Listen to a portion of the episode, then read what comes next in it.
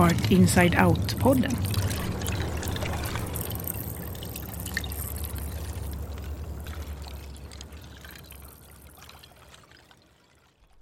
Under hösten 2019 har scenkonstkollektivet Nyx haft residens på Laholms teater. Men vilka minnen har laholmarna från sin teater?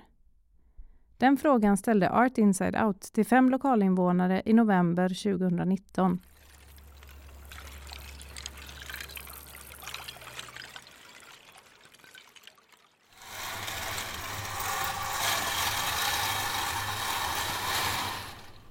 Ja, det började med att eh, Laholms sommarspel behövde en dansk präst i sin, eh, eh sin uppsättning eh, 2017. Och jag råkade gå fel och blev då raggad av eh, regissören Monica Schramm. Och på det viset hamnade jag i Laholms sommarspel och fick då erbjudande att spela en dansk präst. Och sedan försiggick den eh, eh, träning och övning. Vi hade högkvarteret här där vi sitter nu i barocken på Laholms teater. Och det eh, var ju spännande för just i barocken försiggick det också vårt kostymförråd och påklädning avklädning och omklädning och hela den proceduren som är... Eh, det, för mig var det nästan en, en eh, skräckblandad upplevelse. Det här med alla kostymer och, och röran och engagemanget när det gällde förberedelserna för sommarspelen. Eh, det året försiggick det på ett antal scener som eh, var, var på olika, olika platser runt om i stan här. Den här första scenen med den danske prästen den försiggick nedanför Gröna Hästen på slänten där och handlade om Elsebe Krabbe. Eh, en manhaftig kvinna som styrde och ställde på Laholms Eh, Laholms slottsruin. Nej, det var ingen ruin utan på Lagaholms slott. Och det handlade om danska, alltså striden mellan danska, gränsen gick ju här i, i, vid Lagan och Lagaholm. Så det handlade om kampen mellan svenskar och danskar. Det gick ju till på det viset att jag fick vara med i, det här spelet och eh, delvis repeterade vi eh, både utanför och innanför teatern. Vi fick delvis beträda scenens tiljor. Och det, det var en, väl en häftig upplevelse som jag aldrig hade gjort. Det var en, en, gång och aldrig mera. Jag blev erbjuden eh, att delta året efter också. Men eh, jag vågade inte en gång till. Men det var jättespännande att ha varit med.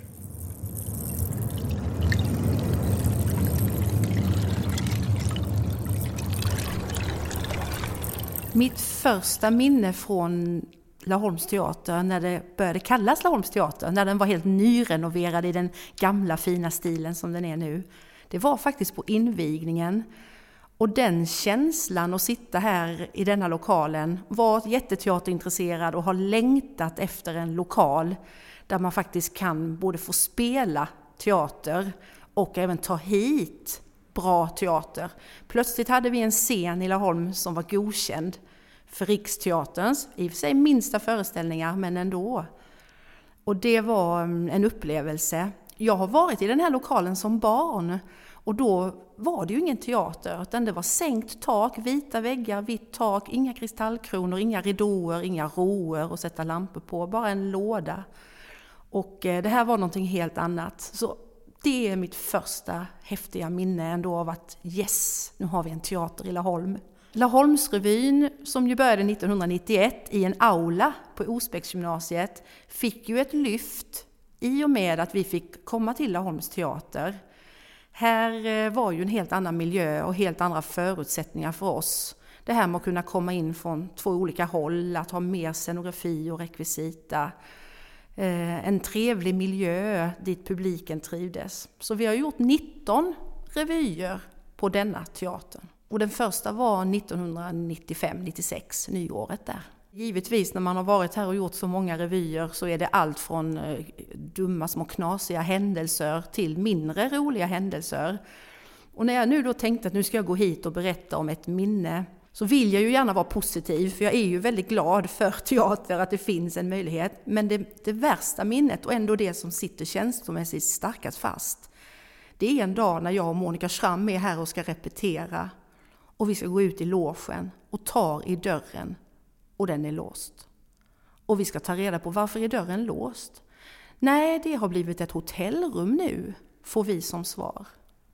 Och vi börjar ju undersöka i detta och då visar det sig att en tjänsteman som ska stycka fastigheten för att fastigheten ska liksom säljas och delas upp har faktiskt i ett beslut förstört det som är Laholms teater.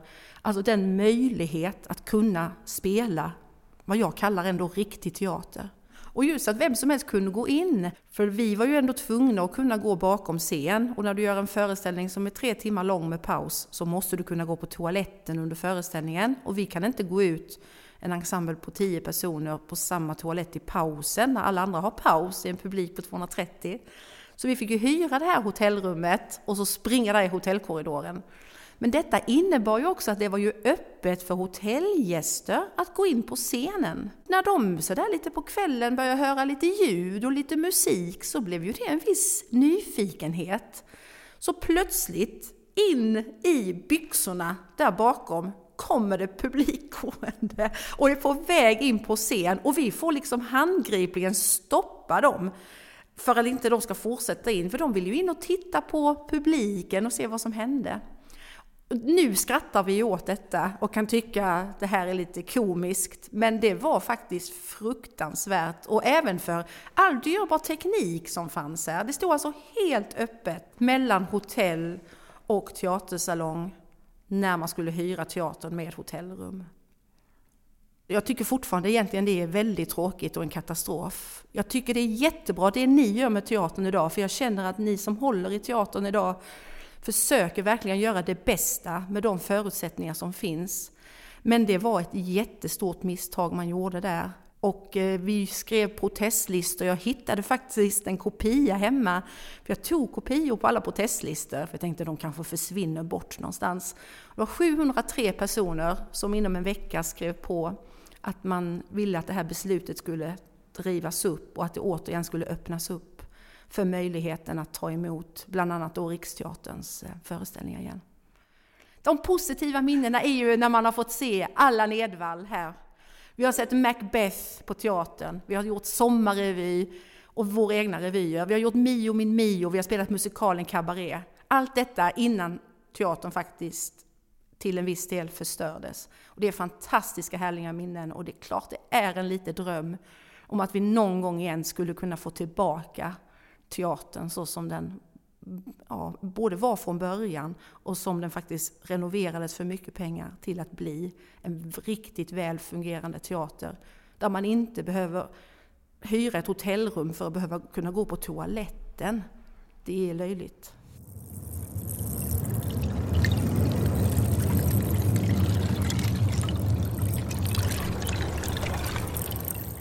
Var de här katastrofåren innan det fanns en struktur där kommunen inte riktigt visste vem driver teatern. De hade nog inte riktigt förstått att man behöver någon som har hand om teatern. Så mitt i eh, intensiva repetitioner dagen före premiär så kunde det komma in hantverkare och börja borra i väggarna, börja bära möbler härifrån och man får ju utbrott och blir förtvivlad. Men det var precis som att nej, men det ska vi göra nu. Alltså det går inte. Så jag har kört ut, för jag har ju varit producent och jag har varit ordförande. Så jag har ju liksom varit den som i gruppen fick liksom köra ut folk när jag tyckte att de var i vägen. Det kom in eh, någon från kommunen som skulle inventera all konst. Och då gick man och fotograferade tavlor och jag sa det går bra. ni gör det tyst och lugnt här medan vi repeterar. Men då gick man in i den stora logen och medan man då fotograferade så började man prova våra peruker. Aj, aj, aj, aj, där blev det en utskällning och en anmälning till den chefen, till den personen som heter duga. Och även om vi är amatörrevy som spelar så finns det ändå vissa grundläggande regler och man hade ju förstått önskat att kommunen då som hade hand om teatern hade haft någon som styrde teatern och hade hand om den och satte liksom att nu är det en repetition, då gör man inte hantverk de timmarna. Och vill man gå in och göra någonting, ja, då frågar man, är det okej? Okay? Jag har till och med varit dubbelbokat. En gång stod Laholmsrevyn här tillsammans med Knutgillet. Knutgillet kom med uppklädda damer i frack och klänningar och skulle ha fest. Medan vi hade bokat lokalen för repetition. Jag minns inte hur det slutade mer än att vi var kvar, för vi hade vårt bevis, alltså ett papper, en bokningsbekräftelse med oss som visade att det var vi som skulle ha lokalen. Och vi hade ju inte tid att flytta oss, för jag tror det var dagen före premiären.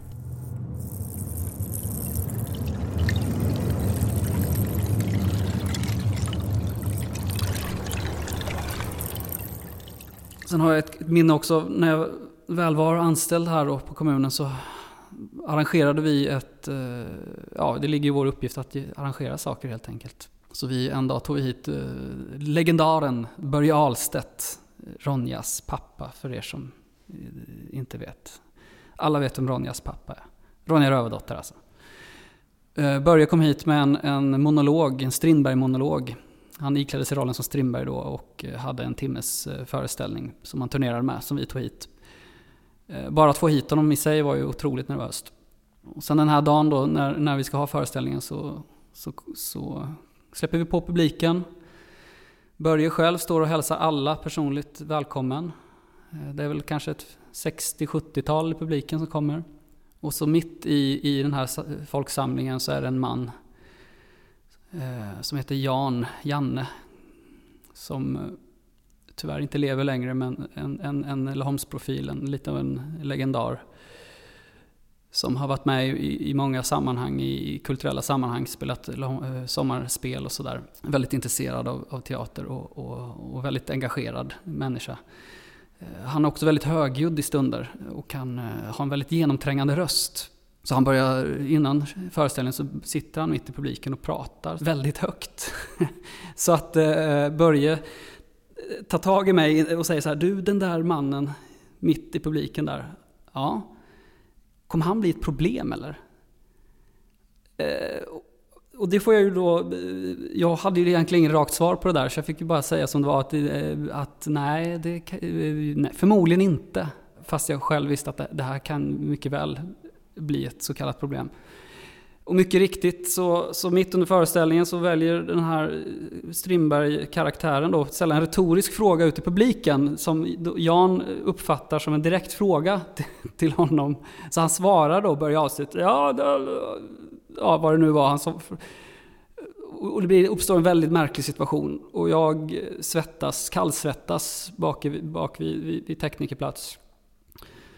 Och, och, och Börje då som inte skyr någonting nästan, eh, ni som känner till hans lynne, eh, han, det slutar med att han tar upp Janne på scen. Och de spelar upp någon liten scen där inför publiken, helt improviserat. Och det kryper i kroppen, och, och, men det går rätt bra ändå. Och det blir en liten avslappnad applåd efteråt. Jan går ner, sätter sig igen. Men sen så, han vill inte riktigt ge sig där, Janne. Så han, han, han fortsätter att svara Strindberg på scen. Varpå då Strindberg slash Börje Ahlstedt får, får, får, till, till slut får, får säga till honom på skarpen så här, Nu håller du tyst! Nu är det jag som pratar! Och då valde Janne att hålla tyst till slut. Eh, och jag eh, höll på att implodera av eh, ångest.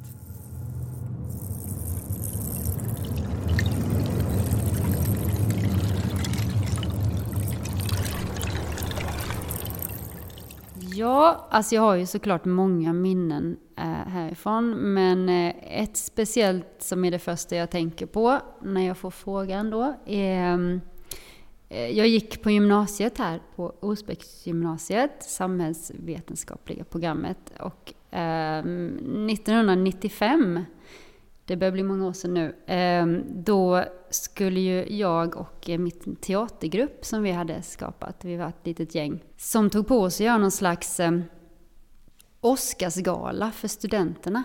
Ehm, och då kände, allt var möjligt då kändes det som. Så vi, ja, vår lilla grupp, vi var inte så himla många. Vi eh, fick ju då nyckeln till eh, teatern. Och jag vet inte hur, men det var bara som, sånt bara löste sig. Eh, och så fick vi liksom tillgång till hela den här byggnaden och repa inför den här showen då för studenterna. Så vi var ju här och det känns väldigt spännande att bara få vara i den här lokalen. Väldigt så här eh, exklusivt och få stå på en scen. Eh, vi hade ju spelat lite teater i klassrum och sånt där och sjung, jag sjöng i kör och så. Så vi drog ihop en liksom, alltså det var sångnummer, det var priser som delades ut sådär. Eh, jag kommer inte ihåg tyvärr vad det var för priser, men alltså vi kallade ju upp då olika elever som fick så här årets kompisar och sånt där. ja, så. Men vi gjorde i alla fall lite mer av det och gjorde det som en eh, galakväll med sångnummer och sådär. Så jag minns att jag spelade piano och sjöng solo, Happy Day. Vi var väldigt nöjda för att alla tyckte det var så otroligt lyckat. Så minns jag det i alla fall som. Ehm, men det var lite spännande på själva då den här dagen när det hela skulle hända. För då var det en av oss som hade festat lite väl mycket som, liksom inte, som hade en ganska viktig roll som inte dök upp i tid. Så vi var ju nervösa in i det sista, men eh, det löste sig ändå.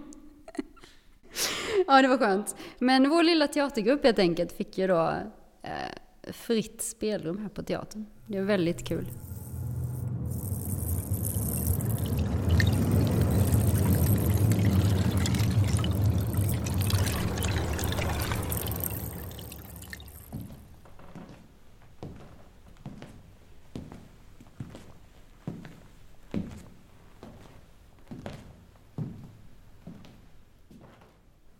Ja, eh, det här med teaterspöken, det finns ju. Och de här berättelserna om teaterspöken eh, finns ju runt om i Sverige och alla som någon gång har haft den förmånen att få arbeta i ett teaterrum eller i ett teaterhus har ju hört berättelserna om teaterspöken.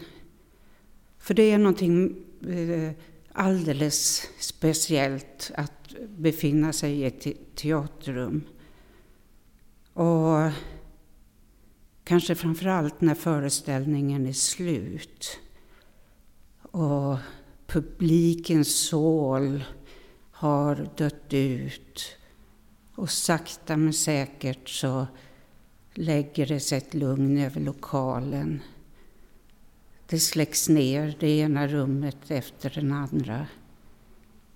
Och då infinner sig en tystnad, ett lugn och en alldeles, alldeles speciell stämning. Och det är ju då som spökena gör sin entré. Och jag tänker att det finns nog en del spöken som är lite allmänt kända. Jag tror att de flesta känner till att Harriet Bosse eh, går omkring i pelarsalarna på Dramaten. Det finns berättelsen om eh, den stackars franska olyckliga sångerskan som dog av lunginflammation på, i sin loge på Konfidensen ute i Ulriksdal. Gösta Ekman den äldre som går igen på Vasateatern.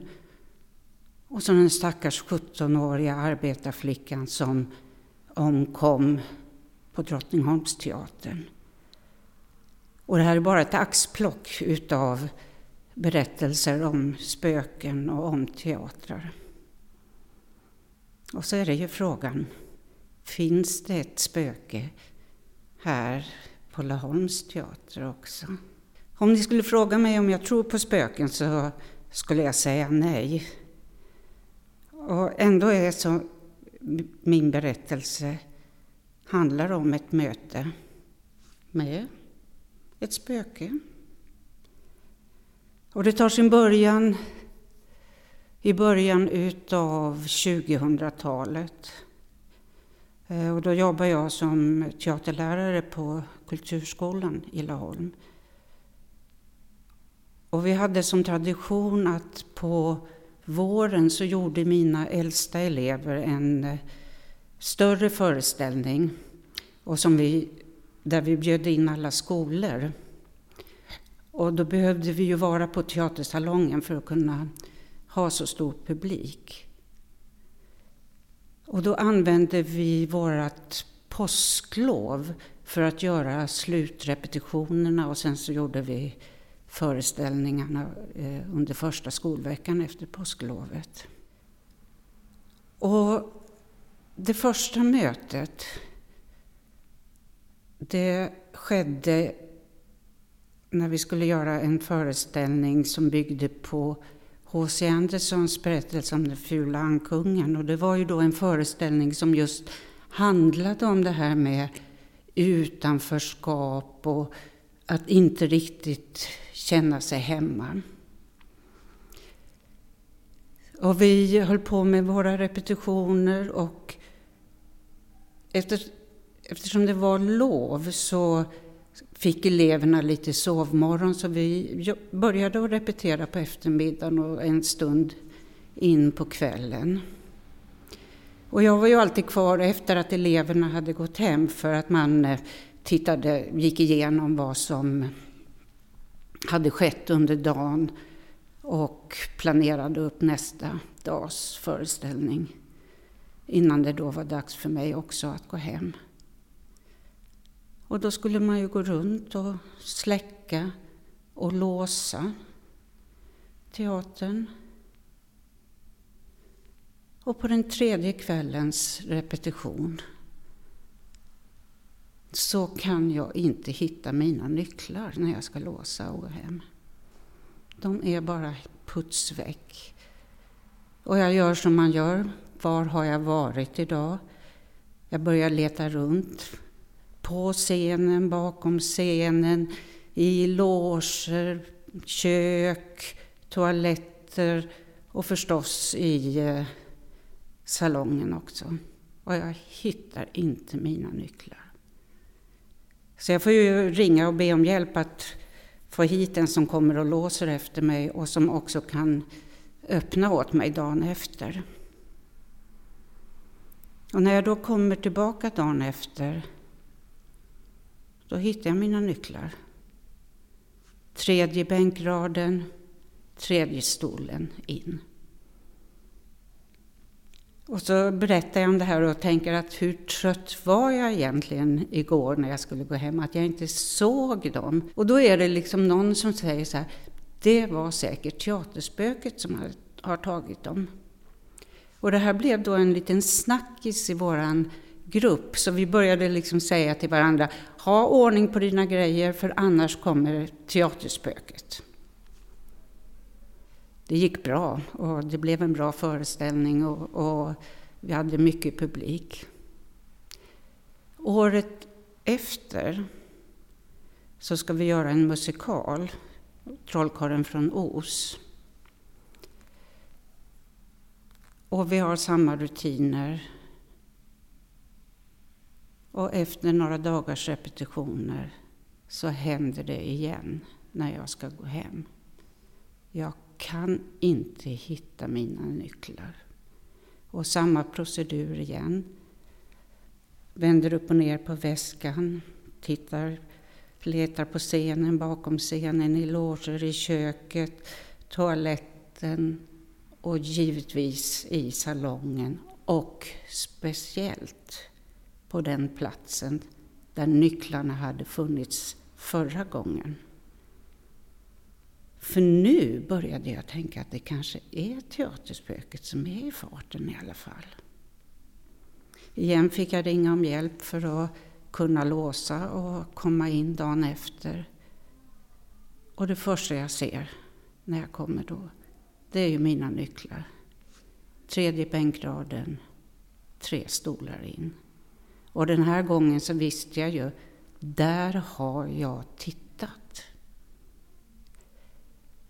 Och nu började vi bli lite intresserade utav det här teaterspöket. Är det så att det finns? Och så började vi lyssna runt lite grann. Och då fick vi berättelserna om att det var kocken nere på Gröna Hästen som spökade. Och förr i tiden så var det ju så att Gröna Hästen stod mycket för serveringen här uppe på teatersalongen när det var föreställningar eller man hade soaréer eller någonting sånt. Och den där kocken hade varit ganska noga med, han ville alltid följa med upp och han ville se till att saker kom på plats och att publiken eh, tyckte om maten. Och att han då också passade på att gå runt och att han gärna kikade in i logerna och kikade in på scenen. Och träffade också en person som verkligen hade sett och kunde intyga att det var kocken som spökade. Han hade sett de eh, rutiga kockbyxorna, den vita kockjackan och man såg benen, man såg bålen, men man såg inte huvudet.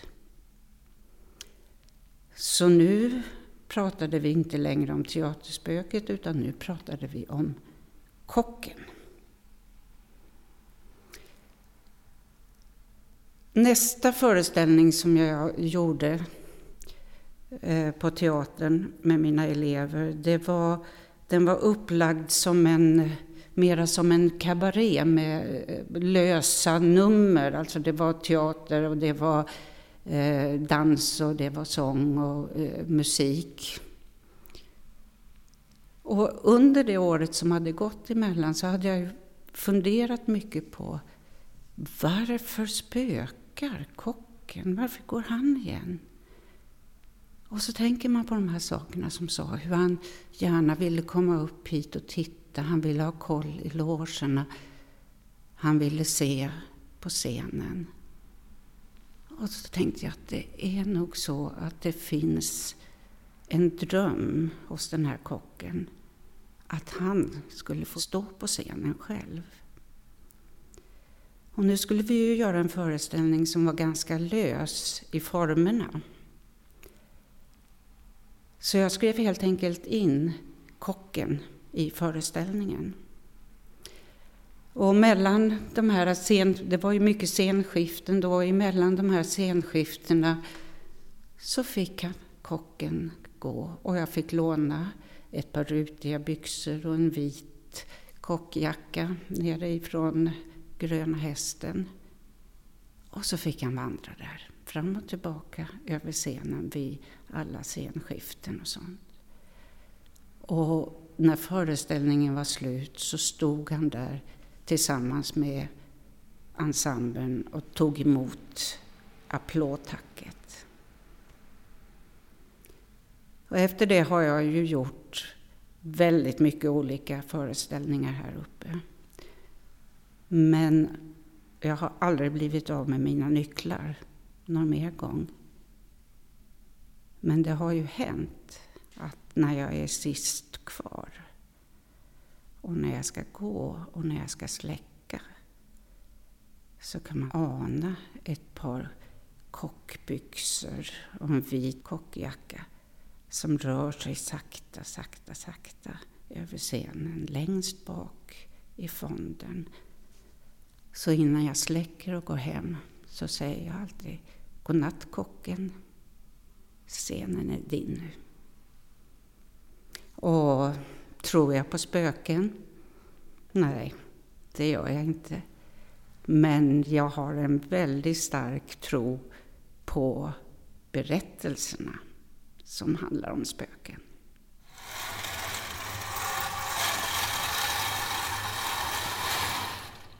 Alltså för kulturlivet i Laholm eh, tycker jag att det är A och O att vi har en, en eh, klenod som teaterlokalen. Jag tycker det är fantastiskt. Och det ska vi vara väldigt rädda om och värna om. Nu älskar ju jag kultur och teater och musik och sång och för mig är det en lokal där man utövar sådant och kan göra det på ett hyfsat då professionellt sätt dessutom. Och för mig är det ju ja, det gamla klassiska ett gott skratt förlänger livet eller att, och att vi utan kultur är vi fattigare. Jag anser ju att scenkonsten behövs för att människan ska bli hel och behövs. Så det kanske inte alla tycker likadant. Men för mig och de jag umgås med så är detta en väldigt tydlig, eh, en viktig del av ens liv och av ett samhälle. Och att då ha en fungerande teater tycker jag är jätteviktigt. Och så är det en väldigt vacker lokal. Jag tror att eh, teatern har, har och har haft en otrolig betydelse för Laholm. Kanske speciellt staden Laholm, men även eh, de omkringliggande orterna. Det har ju varit eh, ett nav för kultur, konst och musik. Och det har ju varit allt ifrån teaterföreställningar då naturligtvis till, till konserter, föreläsningar, mycket föreläsningar på senaste tiden och eh, revyer och, och ja, fester också. Och det var ju en gång i tiden Gudrun Brost, Johannes Brosts mamma, Gudrun som på den tiden var eh, otroligt känd. Eh, hon spelade ju med i revyer av Karl Gerhard bland annat och var med i Ingmar Bergman-filmer och sådär. Hon slog igenom på Laholms teater i början av 30-talet. Hon var ju uppväxt i Veinge. Och eh, det finns faktiskt en recension från hennes debut på Laholms teater. Eh, där Hallandsposten skriver att av eh, årets uppsättning av Laholmsrevyn så är det en som sticker ut som har det stora det. Och det var ju då Gudrun Brost. Så var, det var en, en eh, fin iakttagelse som visade sig stämma. Hon gjorde ju då karriär sen och blev en av, en av de största i sitt skrå. Eh, och sen har det varit eh, biograf här en gång i tiden. 1915 så öppnade Laholms stadsteaters biograf. Kanske inte det mest originella namnet men det kommunicerar tydligt vad det faktiskt var. Man eh, kombinerar helt enkelt eh, teater och, och, eh, scenen här med, med, att ha en biograf. Och det var ju stumfilm till en början och, och man konkurrerade med en biograf nere i Gamleby här, ungefär 300 meter bort. Gröna Kvarn hette den biografen, så det var de två som konkurrerade om publiken innan den här stora Biografcentrum, som idag är Maxim, kom till. Det var inte förrän 30-talet då. Ljudfilmspremiären i Laholm var här på Laholms teater. Tyvärr eh, en misslyckad sådan. Det var en, en, en välanvänd rullefilm som kom eh, och recensionen dagen efter var inte nådig. Eh, en signatur vid namn Petit sa att om, är det så här ljudfilm ska vara, så kan vi, då nöjer vi oss med den stumma konsten. Tack så mycket. Sådana här historiska byggnader är ju viktiga och ha en plats för att vad som, alltså, vad som helst kan hända, att det finns en sån här yta. Um, och nu är det ju väldigt mycket som händer här faktiskt. Den används ju mycket. Uh, och uh, väldigt mycket olika saker också. Så det är viktigt att ha en sån här plats uh, att samlas i också jag påverkas mycket av byggnader och tänker mycket på sånt, arkitektur och färg och form och sånt. Det är liksom det jag jobbar med kan man säga. Eh, den är spännande lokal liksom, eh, med alla de gångarna bakom och sådär. Eh, det ska vara spännande att ha någon sån rundvandring bakom kulisserna. Och lite mer historier berättade kanske. Men det blir det ju nu, så det är ju perfekt en sån här väldigt klassisk teater um, sätter ju som sagt igång fantasin också. Och jag tänkte ofta på det om man är själv i en sån här lokal, vad är det man väljer att göra då liksom? Uh, vad, vad, gör man på scenen om man går upp på en tom scen i en tom teaterlokal? Eh, det finns väl ingen som kan stå där utan att testa att sjunga väldigt högt eller sätta sig vid pianot och testa att spela eller någonting. Jag tycker ju och tänker ju den betyder mycket. Men jag ser, jag ser ju också att man skulle ha eh, möjligheter till att göra den ändå mera betydelsefull. Eh, det är ju, det är ju lite tråkigt att vi, att vi inte utnyttjar huset fullt ut och att vi inte har resurser till att göra det eh, fullt ut och att det är att det inte det är inte någonting varje vecka, det borde det vara. Och för mig skulle det ju helst vara varje dag, men det kanske inte är realistiskt. Men, och ändå tycker jag att de sista åren så har det blivit bättre. Och jag tycker att man är på väg emot någonting. Och, och jag hoppas ju politiker, för det är därifrån det behöver komma. Att man, eh, det kostar pengar med ett teaterhus, det kostar pengar för att få till föreställningar och kunna göra saker. Och det behöver vi.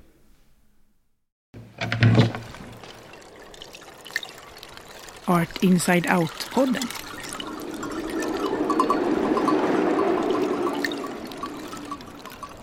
Du har lyssnat på en podd av Art Inside Out inspelad på Laholms teater den 28 november 2019.